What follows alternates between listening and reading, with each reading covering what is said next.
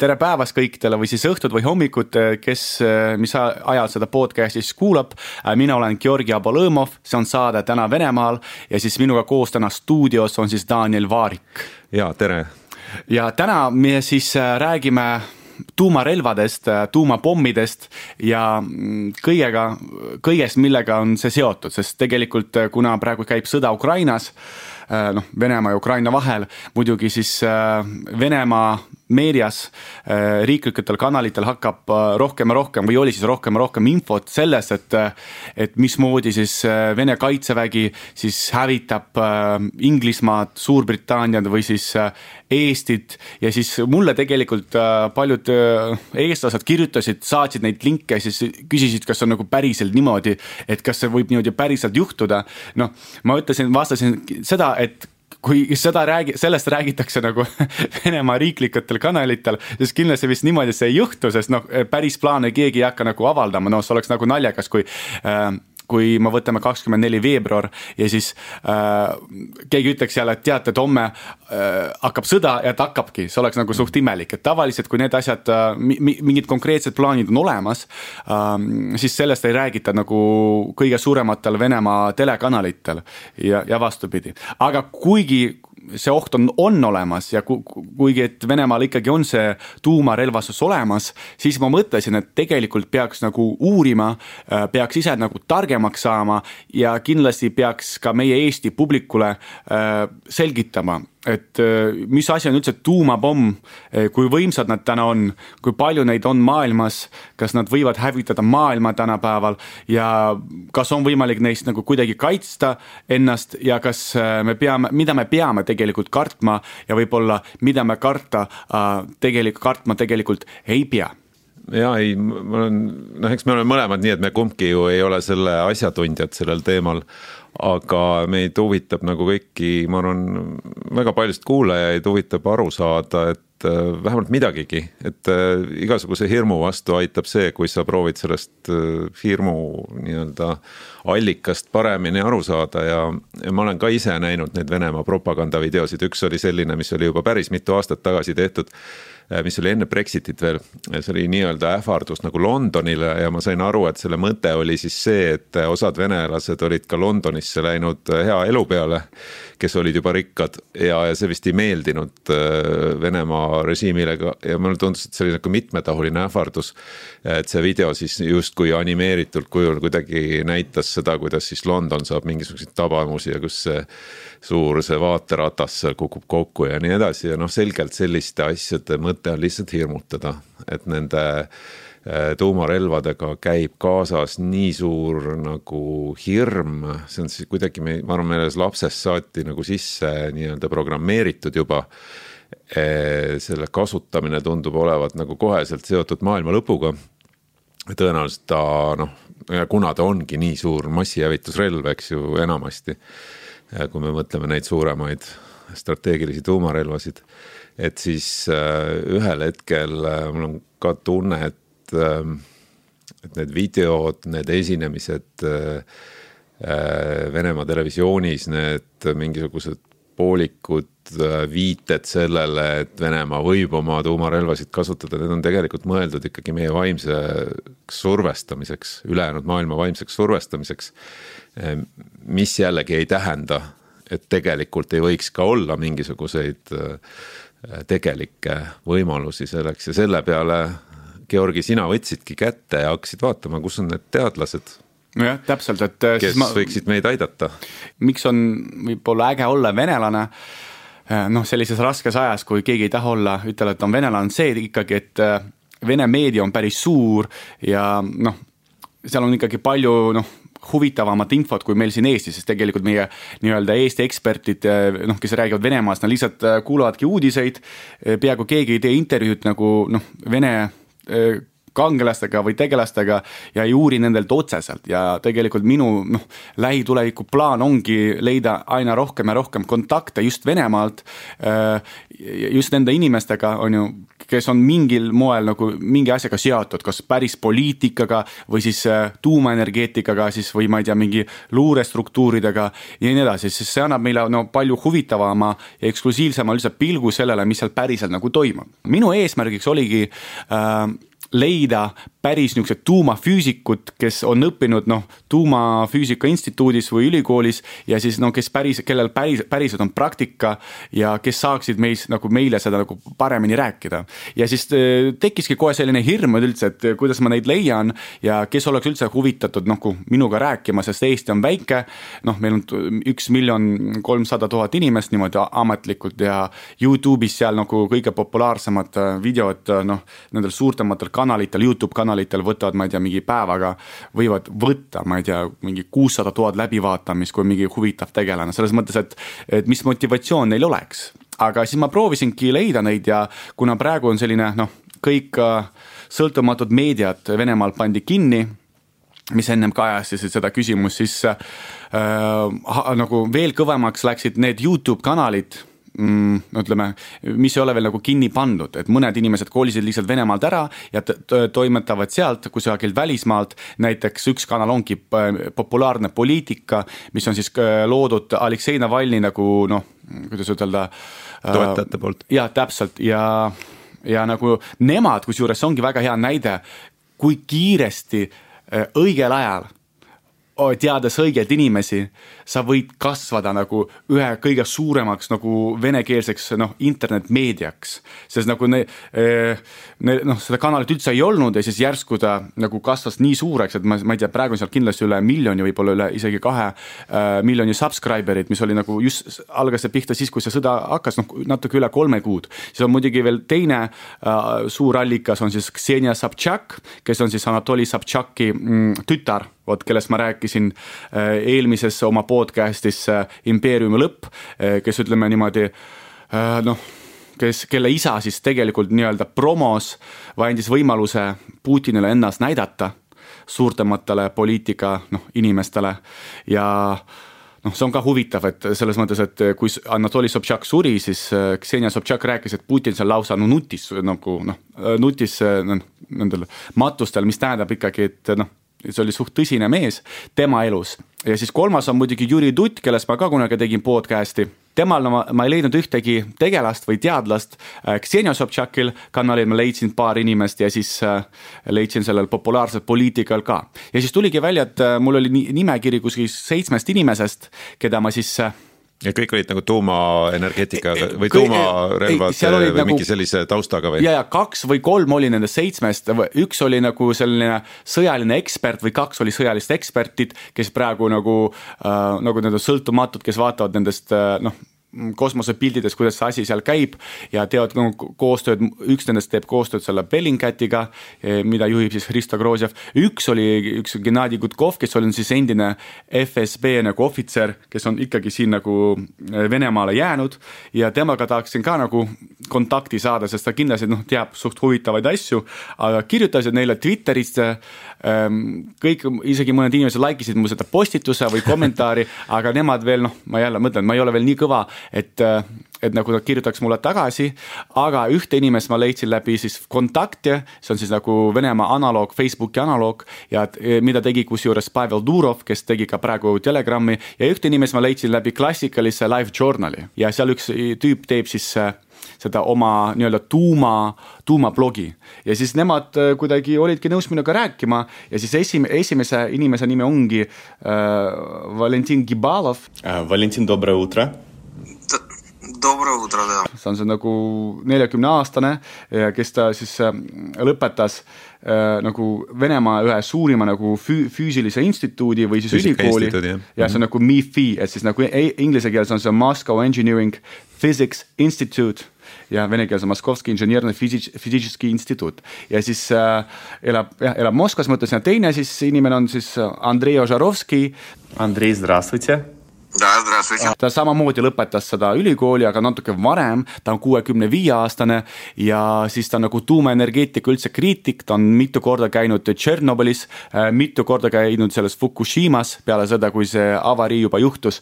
ja noh, ma natuke uurinud, olen uurinud natuke selle Andrei Žarovski tegevust, ta saatis mulle, et ta käib seal nagu ikkagi nagu päris entusiast, kes siis jookseb igal pool ringi, kus on see radiatsioon olemas, mõõdab seda, siis näitab noh, et mismoodi need noh kui seda, et ku, kuidas ebaõigesti seda tuuma materjali siis seal Venemaal nagu võetakse. ja, -hmm. ja nendega kahega ma tegingi intervjuud, kokkuvõttes äh, oli noh, peaaegu kaks tundi rääkisime ja siis äh, noh, enamasti nad täie, üks vastus täiendas teist. Ja nagu ma ütlesin ka, et äh, täna me võib-olla väga sügavalt ei lähe koos Danieliga, aga kui kellelgi on soovi, siis kindlasti Levilas tuleb selle podcast'iga ka täistekst, äh, kus on siis nagu igale, igale küsimusele on põhjalik vastus, et kui kedagi huvitab nagu see tuumarelvade küsimus nagu veel rohkem, siis kindlasti äh, kasutage siis äh, seda tekstilise variandi. ja tahakski tegelikult alustada sellest äh, esimesest küsimusest ehk siis sellest juurest on ju, et, äh, et nendest ähvardustest mm. -hmm. et äh, kas üldse peab neid siis uskuma, kas need inimesed, kes nii-öelda meie, meid ähvardavad nendelt telekanalitelt, on üldse kompetentsed, kas nagu nad üldse saavad aru, mida nagu räägivad või tegelikult nad päriselt seda asja noh, ei jaga ja siis äh, kiire vastus ongi see, et äh, tegelikult need inimesed äh, noh, nii ütleme, ei jaga seda asja, sest kui me võtame seda teksti ja me võtamegi praegu lahti ja siis nad ütlevad neid asju, mis tegelikult omavahel ei, ei või klappida.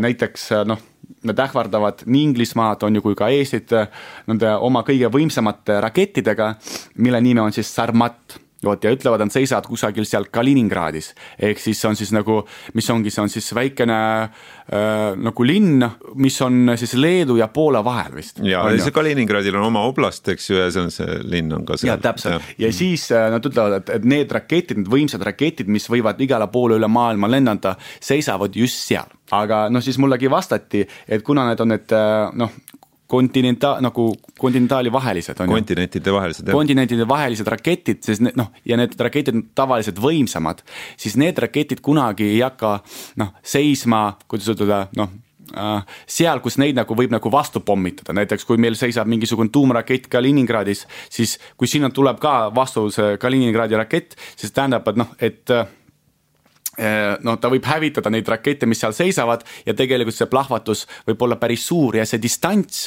et näiteks noh, USA rakett või ma ei tea, Suurbritannia rakett lendaks sinna, on ka väga väikene. ja mulle vastati. Какая конфигурация не способна существовать в принципе, потому что сарматы, во-первых, не летают на такие короткие расстояния, а во-вторых, э, никогда не будут стоять в Калининграде, это безумие.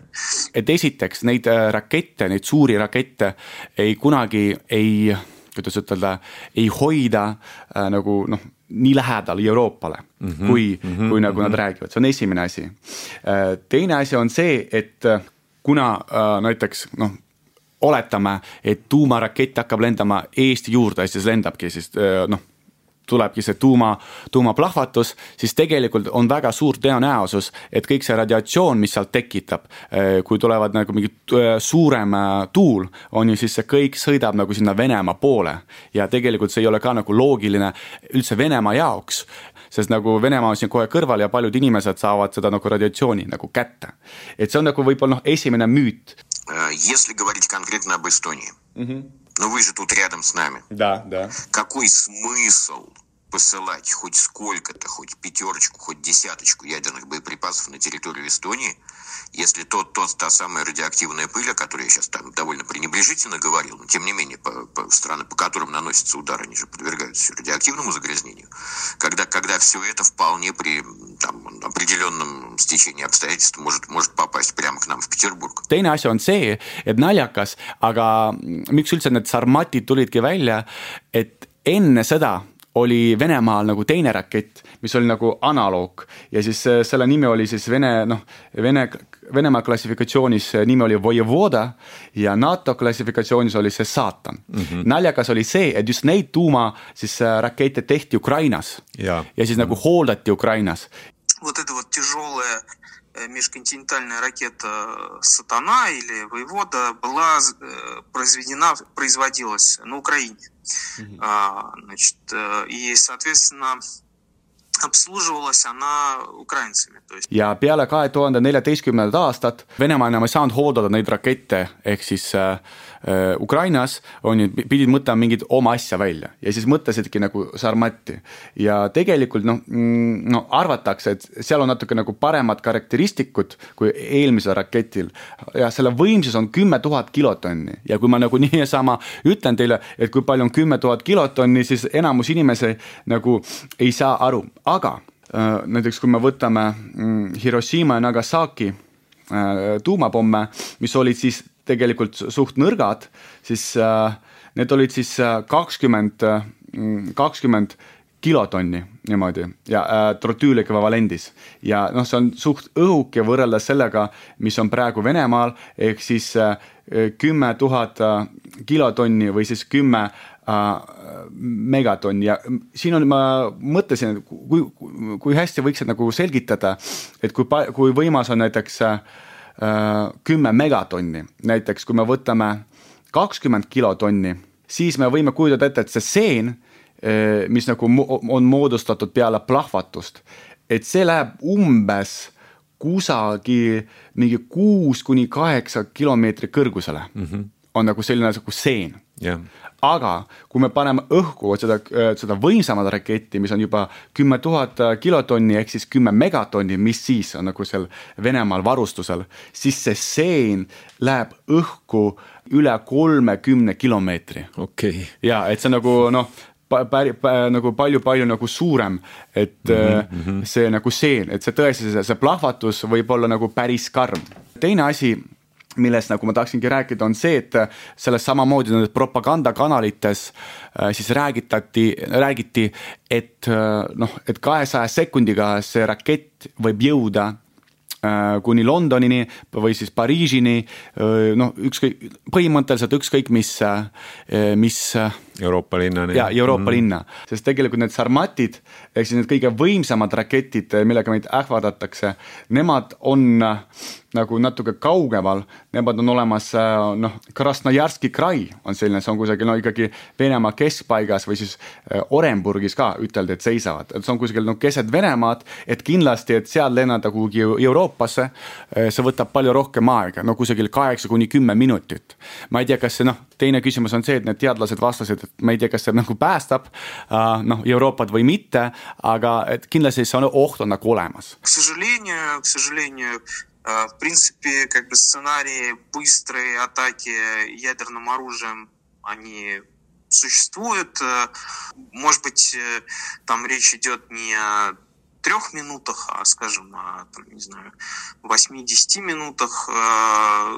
kuidas üldse aru saada, et mis seisundis on raketid? just, me ju eelmises podcast'is rääkisime seda, et et kui Venemaa üldist nagu tehnilist nagu hakkamasaamist vaadata, siis üldjoontes alati on mingid viperused et see, mida kuskil paraadidel näidatakse nagu üheski teises valdkonnas ei ole päris tõsi et ei ole neid Armata tanke keegi näinud ja, ja kuni selleni välja, et jätame sõjaväe kõrvale, et äh, Sotši olümpiamängudel ei saadud isegi kõiki olümpiarõngaid põlema, et kui raske see saab olla, on ju. et, et seal kuidagi tundub olevat see süsteem selline, et ta ei soosi nagu sellist äh, valmidust või, või mm head kvaliteeti. no me ei tea muidugi, kas see kehtib nüüd nagu nii tähtsas valdkonnas nagu tuuma, tuumarelvad. ja kõigepealt ma tahaksingi teada, et äh, üldse, kas see tuumaenergeetika on siis tänapäeval iseseisev Venemaal või mitte. Või näiteks kuidas, kuidas seal oli selle noh, lennukite infrastruktuuriga, et need kõik noh ütleme, see infrastruktuur või see üldse see tööstus nagu jäi seisma. on ju, nad pidid võtma lahti mingeid vanu lennukeid, et parandada oma neid olemasolevaid lennukeid ja nii edasi. et kuna see nagu läänemaailm enam nagu ei toetanud, ei saanud sinna oma neid lennukijuppe ja nii edasi. ja siis ma mõtlesin, äkki on tuumarelvadega ka niimoodi.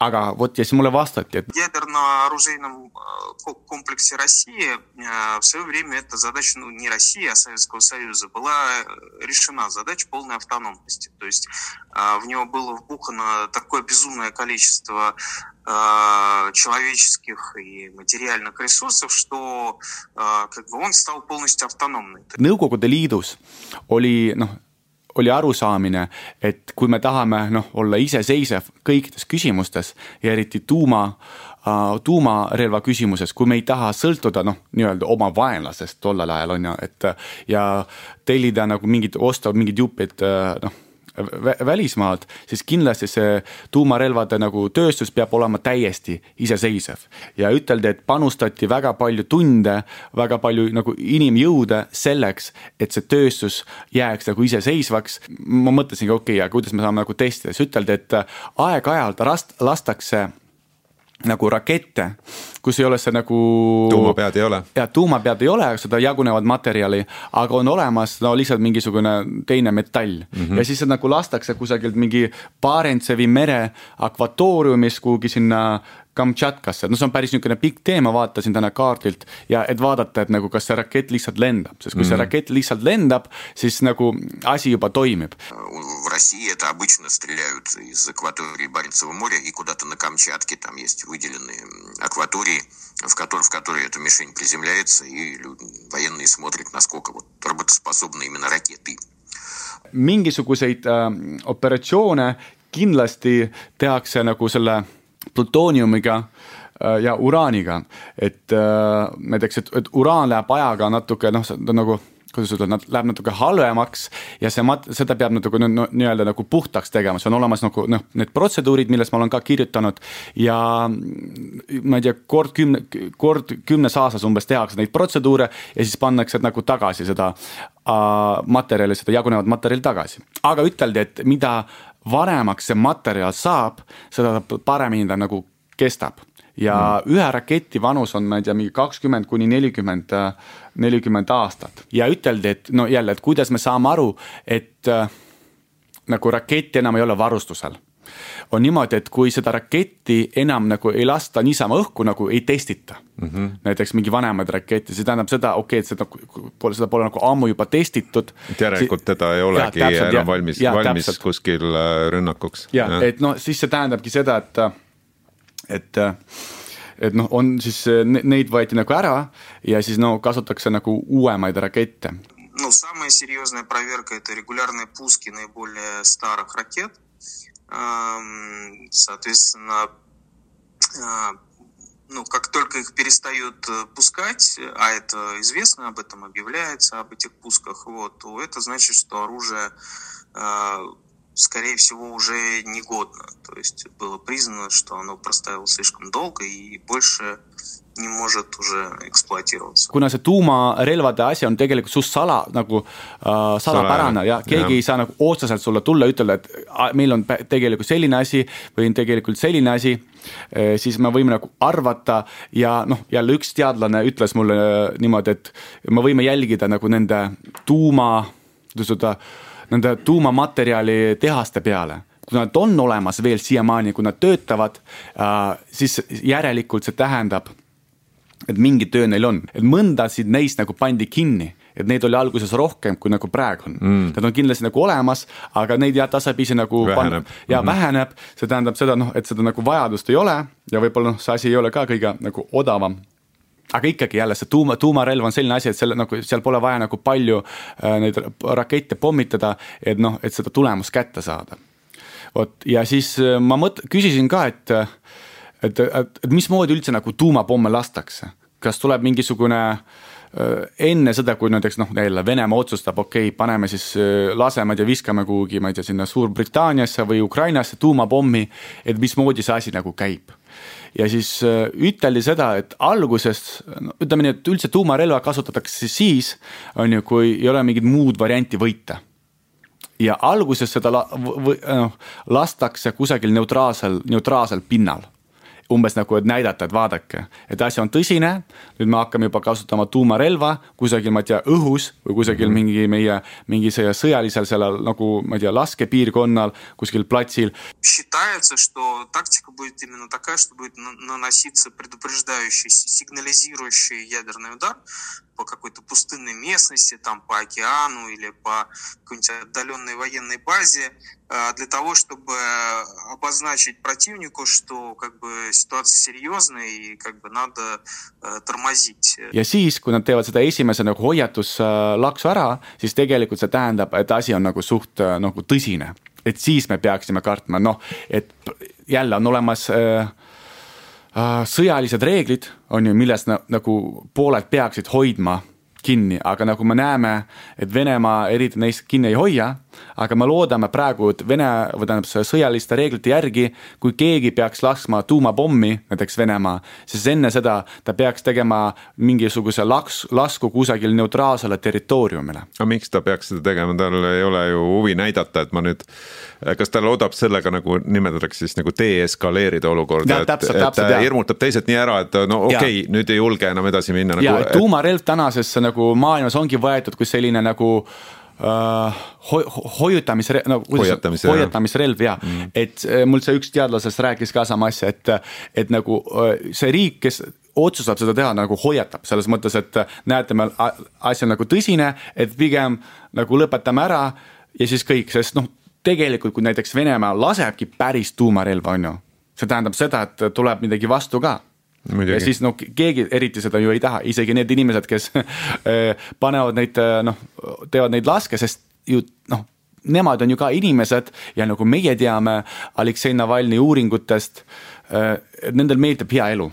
Mm.. ja keegi ei taha nagu rikkuda nagu noh nende hea elu, elu ja ma mõtlen, et kui need mõtlevad üldse tuumarelvadest, nad mõtlevad ka enda elu peale, ma, ma ei usu, et keegi tahab seal nagu ära surra. no Putin või tema juhtkond aga võib-olla peakski mainima ka, et kui ma rääkisin Siim Kallasega, siis ta rääkis ka, et ma küsisin, noh, et kas Venemaa võib kasutada tuumarelva, siis ütles, et äh, taktikalist äh, relva võib-olla tõesti aga mitte strateegilist ja siis minu jaoks oli ka nagu küsimus, et mis on see vahe, mis on mm. siis taktikaline tuumarelv või siis äh, strateegiline tuumarelv. ja siis asi oligi selles, noh, vahe on väga kerge, et taktikaline on siis väike tuumapomm mis näiteks võib äh, lahendada asja näiteks mingisuguses suuremas lahingus mm. -hmm. aga strateegiline tuumapomm on siis see, mis nagu hävitab noh, tervet riiki või osa nagu suuremat osa nagu riigist, äh, hävitab noh, igasugu infrastruktuuri, tehaseid, ma ei tea, elektrijaame, nagu kõike seda nagu, mis noh, toetab tavaliste inimeste elu vot see on nagu, see on suurem jah, ja kui lühidalt, siis ta, taktikaline tuumapomm on siis väikene, mitte nii võimas, aga täpsem ja siis strateegiline tuumapomm või on siis suurem, äh, aga ebatäpsem Ну, разница очень простая. Стратегическое ядерное оружие предназначено для уничтожения э, страны противника, то есть нанесения удара по Э, его территории, э, по, может быть, мирным городам и промышленности, по гражданам, а тактическое ядерное оружие предназначено для работы на поле боя. То есть, э, где бы это сражение ни происходило, это просто как, именно как оружие да, поле боя для получения военного преимущества локально. okei okay,, aga siis selle taktikalise juurde tulles, no see on sisuliselt, see võib olla mingisugune äh, lahinguväljal kasutatav relv, eks ju, et, et seda on ikkagi siit ja sealt kostunud, et see ei ole üldse välistatud, et Venemaa seda Ukrainas võib kasutada kasvõi selleks, et suruda Ukraina noh, kuidagi täiega nagu tagasi, äh, demoraliseerida neid äh, noh hävitada kasvõi mingisugune väiksem linn lihtsalt äh, täiesti ära. et, et see nii palju, isegi eile meil oli siin üks podcast üle, läks üles just, äh, kus äh, Ukrainas abiks olnud inimene rääkis pikalt ja tõi täpselt sellesama nagu võimaluse välja, et sellest räägitakse Ukrainas, seda pisut kardetakse et see taktikaline löök võib seal kuskil olla üks variantidest no ja siin on nüüd küsimus, mis mul tegelikult tekkis veel üks huvi nagu uurida nagu või nagu, et vast-, mis vastust ma ei saanud kätte ja võib-olla peaks eraldi uurima juba sõjaväe, sõjainimestelt, on see, et on mingid võimalused, kuidas nagu seda tuumalööki nagu takistada. Enne seda, kui ta maandub nagu vastu maad, kuidagi nagu noh, saad aru, katki lüüa õhus või kuidagi no, veel. nagu noh, põhimõtteliselt saab kõiki rakette saab äh, alla tulistada ja,. jah, jah, vot see on see küsimus, sest tegelikult äh, noh. aga noh, see on... tabavus ei ole üldiselt nii palju, kui mina jälle aru saan ei ole nagu sada protsenti, eks ju mm. -hmm, jah, et äh, ma arvan, et äh, mingisugune mehhanism nagu peab ka olema ja, ja kui tulla äh, tagasi sinna üldse nende nagu päris ohu juurde, siis mulle üteldi, et äh, noh, kindlasti nad esiteks need suuremad tuumapommid, näiteks need Sarmatid. noh, nagu ma ütlesin, nad võivad lennata kusagilt äh, Venemaa keskpaigast või siis veeallveelaevadelt mm. -hmm. ja see on teine asi, mis on nagu reaalsem, et, et tu, tuumaveeallvelaev kusagilt tuleb välja kiiresti üles ja siis paneb seda pommi. Äh, sest neid on nagu raskem kätte saada ja võib-olla seda peakski nagu rohkem kartma, kui see, et mingi Kaliningrad, Kaliningradis on mingisugune äh, Äh, mingi jaam, mis siis laseb ja siis äh, Euroopa saab nagu kiiresti surma, vot mm. -hmm. jah, see, see on nagu, see on küsimus tõesti, mis on nagu avatud, et mismoodi see taktikaline tuumarelv võib lennata ja kas päriselt ja mismoodi, kas seda saab nagu selle vastu võidelda või ei saa ja nüüd me peamegi rääkima võib-olla sellest, kui maailmasõda hakkab pihta siis kas kõik inimesed surevad ära või mitte mis sinu, mis sinu teadlased selle peale arvasid? mina arvasin pikemat aega, et, et, et tõesti, et maailm nagu läheb nagu sureb ära, sureb ära ja ongi kõik. aga kõigepealt mulle üteldi huvitavat infot selle kohta, et kõige suurem äh, tuumarakettide potentsiaal või siis kogus oli kaheksakümnendatel aastatel. siis tuumapommid olid palju suuremad ja võimsamad ja tuumapomme kokku oli palju rohkem. ja siis mul noh, esimene füüsika siis Valentin Gibalov, kes on siis neljakümne aastane, ütleski, et äh, isegi kaheksakümnendatel aastatel ei oleks nagu kõiki tuumapomme nagu su-, nagu kui me paneksime plahvatama kõiki tuumapomme, me ei suudaks ikkagi nagu terve maakera otseses mõttes nagu hävitada, et kõik inimesed nagu sureks мы точно знаем, что всех людей, даже на пике вот э, э совокупной мощности боеприпасов где-нибудь в 80-м году, 1980-м, э, ну, это оружие уничтожить не смогло бы, но отправить в какой-нибудь каменный век возможно. aga siin tulevad teised küsimused, et kindlasti oleks äh, hävitatud enamus hulk tsivilisatsioonist, mis tähendaks, et me võiksime jälle elada kusagil noh, keskajal või isegi varem. kiviajas. jah, täpselt, see on esimene asi ja teine asi on see, et äh, see radiatsioon, on ju, et äh, see võib tekitada ka väga suurt nagu ohtu peale seda, kui see Just, plahvatus juhtus. Äh, suremus, äh, kõik. et äh, üteldi, et seda radiatsiooni mõõdetakse siiverdides, siiverdides ja siiv üks, näiteks kui inimene on saanud radiatsiooni üks siiverd, see tähendab, et elu lõpuni tõenäosus, ta küll ei sure aga tõenäosus, et ta saab vähki, ükskõik mis vähki on viiskümmend protsenti Mm -hmm. selles mõttes, ja siis ta ütleski, et kui ja. inimene on näiteks üle elanud radiatsiooni kui see on üks siivert, noh, suurusega üks siivert, eh, noh, kõik on nagu hästi, see tähendab seda, et ole valmis, et eh, viiekümnel kor-, noh, pooltel korradel on, sul tuleb vähk ja siis sa sured okay. nagu sellest. okei okay,, see ongi niimoodi, et äh, sul ongi lihtsalt äh, üks kahest nagu, et, et sa sured ära vähki ja täpselt okay,, et võib-olla sa ei sure nagu kiiresti ära, aga sa sured mingisuguse aja pärast. Mm -hmm. ja selles mõttes äh, kindlasti see on nagu väga-väga noh, jama lugu ja muidugi on olemas spekulatsioon, et tuleb selline asi nagu äh, tuumatalv on ju, ehk siis mis tähendab seda, et äh, me mitu aastat nagu ei saa päikest kätte, et kuna see nagu see tolm läheb nii suureks ja nii paksuks, et päike lihtsalt ei tule läbi. aga nagu üks teadlane ütles, kes, kes see vanem inimene, Andrei Žarovski, kes kritiseerib üldse tuumaenergeetikat, tema ütles, et see võib olla. tema väga nagu nagu hoiab pöialt noh, või to toetab seda ideed, et seepärast ta ei tahagi, et see tuumaenergeetika üldse areneks teine teadlane, siis Valentin Kibalov, kes on noorem, tema mõtles, et see on spekulatsioon. et see on ainult teoreetiliselt, see võib juhtuda.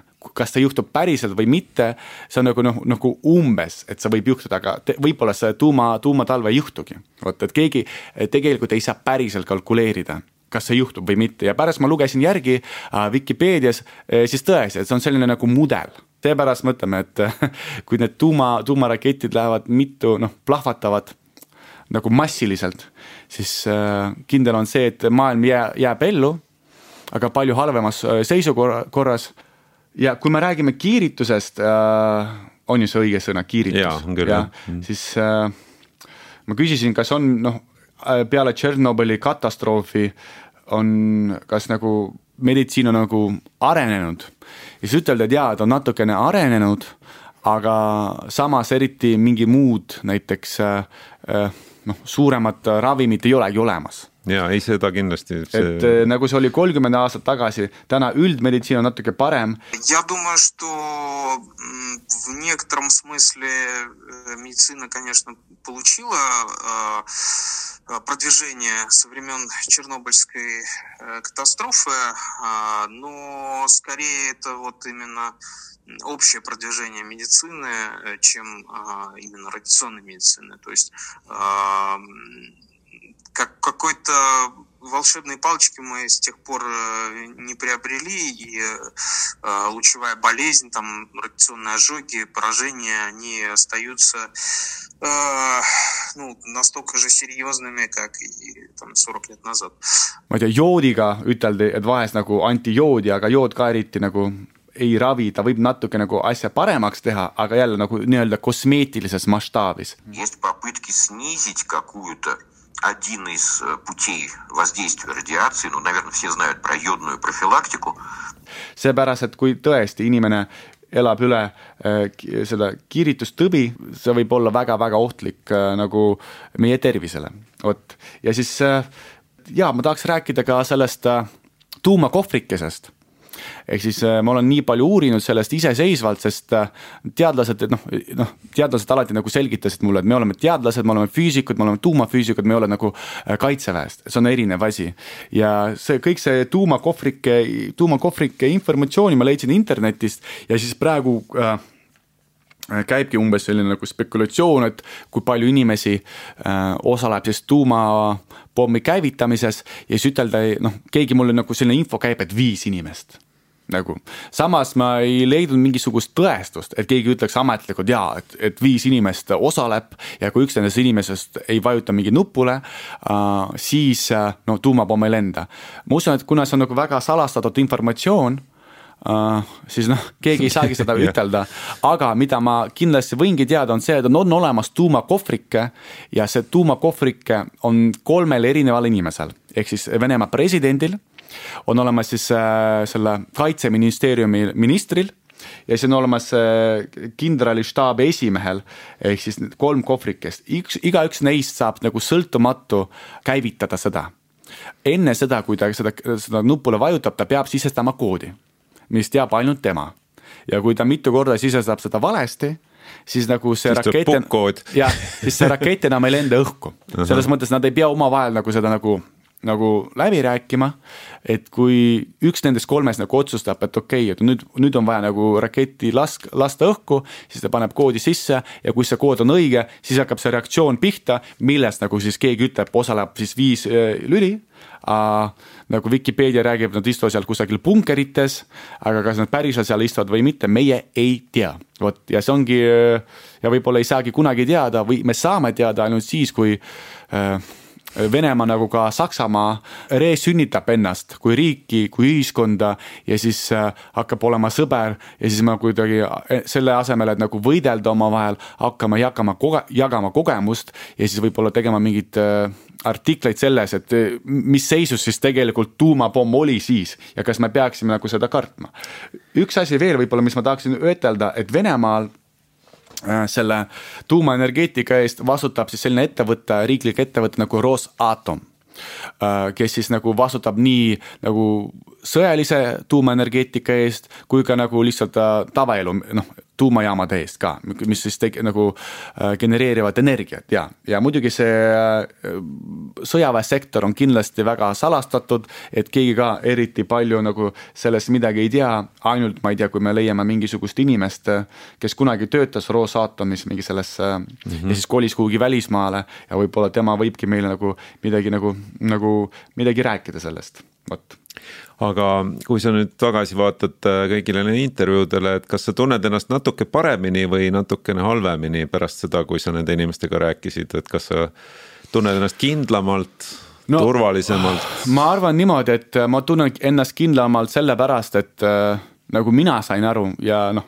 mind, mind veenis see, et, et äh, Baltikumi riikidele keegi tuumapommi nagu viskama ei hakka, sest see on liiga lähedal nagu, nagu, nagu Venemaa lähedal. samas äh, jälle, kui me vaatame, kui ebavastutuslikult saadetakse neid sõdureid sinna Ukrainasse, siis mul lihtsalt tekib selline tunne, et äh, neid eriti ei koti midagi, need ei mm. koti enda, enda inimesed näiteks kui ma ei tea, Vladimir Putin istub, isa, istub seal kusagil oma seal lossis või kusagil punkeris, äh, kus on see Must meri ja siis ta otsustab mingi Baltikumi riikidele panna nagu tuumapommi, siis tegelikult äh, noh siis võib-olla teda ei kotika kõik need inimesed, kes elavad seal meie piiris või siis Peterburis. jälle ma vaatan seda, praegu on ju selline land lease on ju, inglise, eesti keeles on ka land lease. mis see on? no et kui, kui eh, USA ja siis lääneriigid annavad äh, varustust. aa ah, jaa, okei okay, jah mm. -hmm. jah, et siis ma vaatan, et kui, kui nad hakkasid seda varustust andma, siis vaata, kui efektiivselt see Ukraina hakkas võitlema kohe mm. -hmm. ja ma tahaks no enda, enda, enda pära-, enda puhul teha sellist järeldust, et, et sama asi võib ka olla ka nagu tuumakontor, noh, ma ei tea, tuumakaitsega ma, ma lääneriikides, et see tuuma, tuumarakettide kaitse on ka nagu päris heal tasemel. et võib-olla neid suudetakse kõiki nagu lasta nagu õhus ära ja õhus käivadki need plahvatused. ma väga tahan arvata, et see on nii, aga tegelikult see olekski hea, huvitav teema järgmiseks podcast'iks.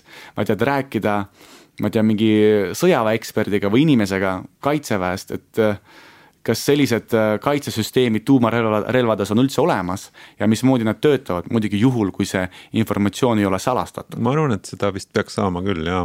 kokkuvõtteks võin ütelda, et äh, noh, et Venemaal on kindlasti tuumaraketid olemas, nii taktikaliselt kui ka strateegiliselt.